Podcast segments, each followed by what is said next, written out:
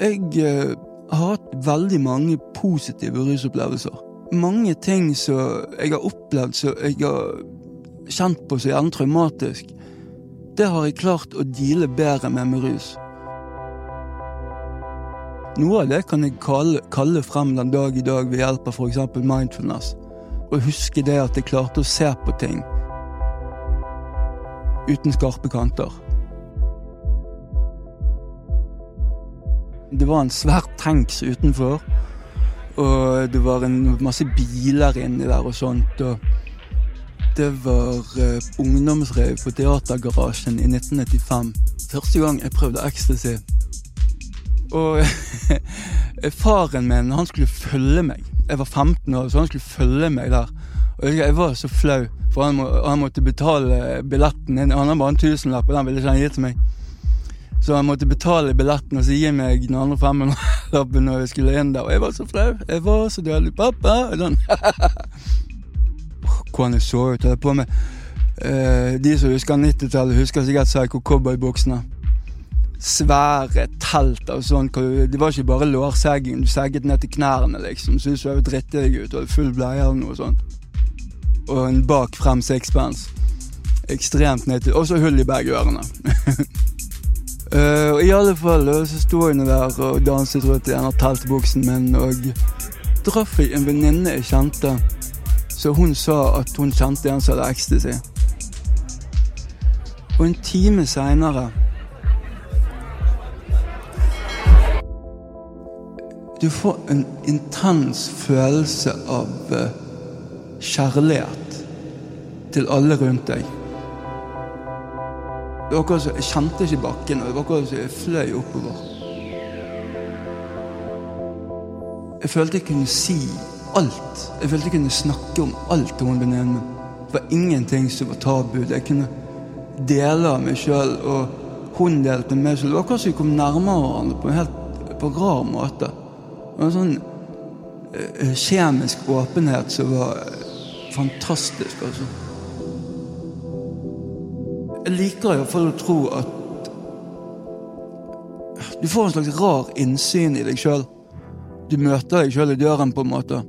Og når jeg gjorde det, så, så det, det, var ikke jeg spesielt imponert over han duden jeg traff. Så jeg tenkte ok, men da forandrer jeg meg. Og så forandret jeg meg.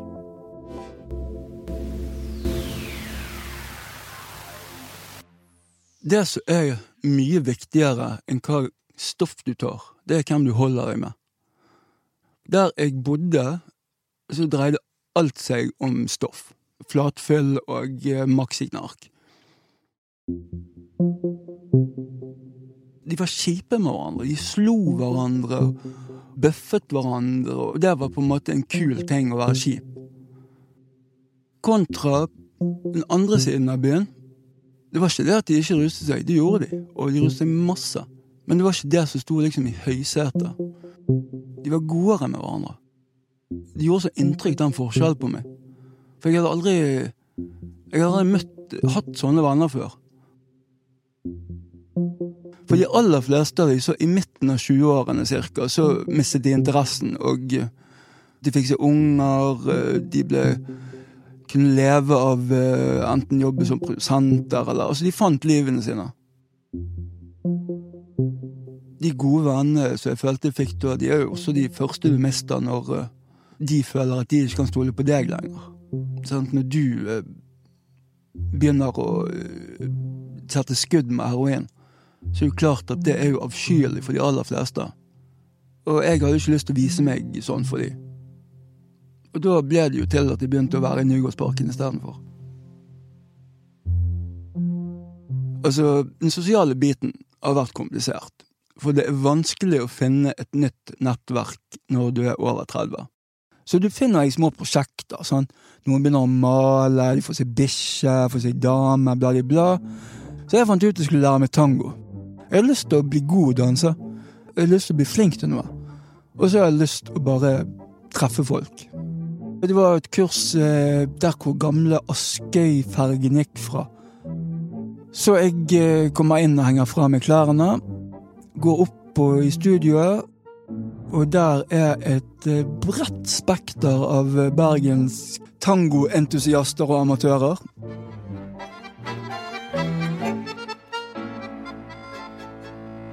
Jeg tenkte når jeg kom inn Dette kommer aldri til å gå. Jeg alltid tenkt det ser så jævlig sexy ut, men det er jo folk med stålkontroll på greiene sine.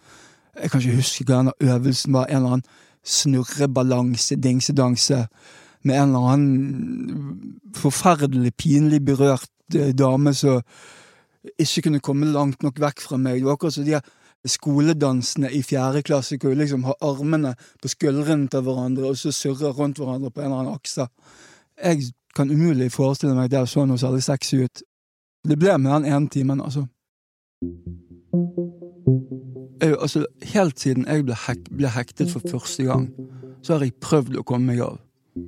Sånn, med varierte resultater. Altså, akkurat som at uh, å bli hektet på noe ikke skjer plutselig, eller det skjer gradvis og så plutselig. Samme var det med å komme ut av det. Det gikk gradvis og så plutselig. Og plutselig var jo den fengselsdommen. Et par måneder etter jeg hadde sluppet ut, var jeg i leiligheten min og bare Jeg var rastløs. Jeg trengte noen å snakke med. Så jeg bare reiste inn igjen til Bergen. Og så bare satte jeg meg eh, Det var før Nygårdsparken stengte. Så jeg satt meg i parken og snakket med gamle kjente og sånt, og kjøpte litt hasj og et par tabletter.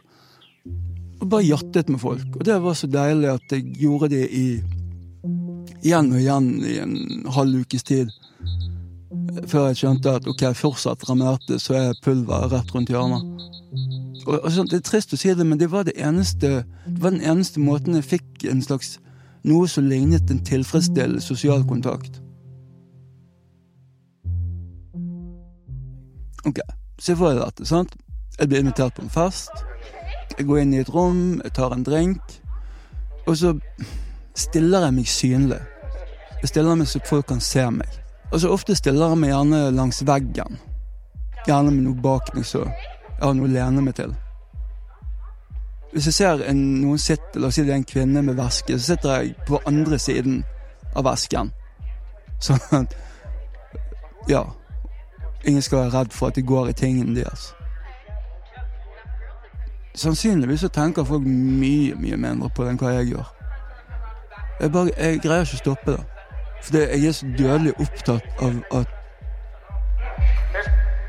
folk skal se meg som meg, og ikke den jeg har vært, at jeg nesten spenner fot på meg sjøl. Og jeg aksepterer det jo, for til syvende og sist er det jo jeg som har skapt disse tingene. Så kan jeg skylde på samfunnets stigma og alt det der at det kunne komme hjem, men det er nå bare sånn det er en gang. Og det er ikke noe forandret på det med det første. Heldigvis så trives jeg jævlig godt i mitt eget selskap. Litt for godt, vil noen si. Jeg eh, sitter på ræv, jeg leser, av og til får jeg treningskick. Jeg elsker å gå tur og sånn. Lange turer på skogen og glass rødvin i godt selskap. jeg greier meg stort sett for meg sjøl. Ni til ti dager så har jeg det greit. Og det er ikke det at de ikke har venner. Det er bare Om det er jeg som skaper de, eller om de allerede er der, sperrer mellom meg og den nyktre verden. Fordi at det blir så sykelig opptatt av å ikke virke som den jeg har vært. Jeg liker Jeg liker å tro at den Cato jeg er er den Cato jeg viser til verden òg. At jeg prøver å presentere meg sjøl på så ærlig måte jeg kan. Jeg vet ikke hvor god jobb jeg gjør.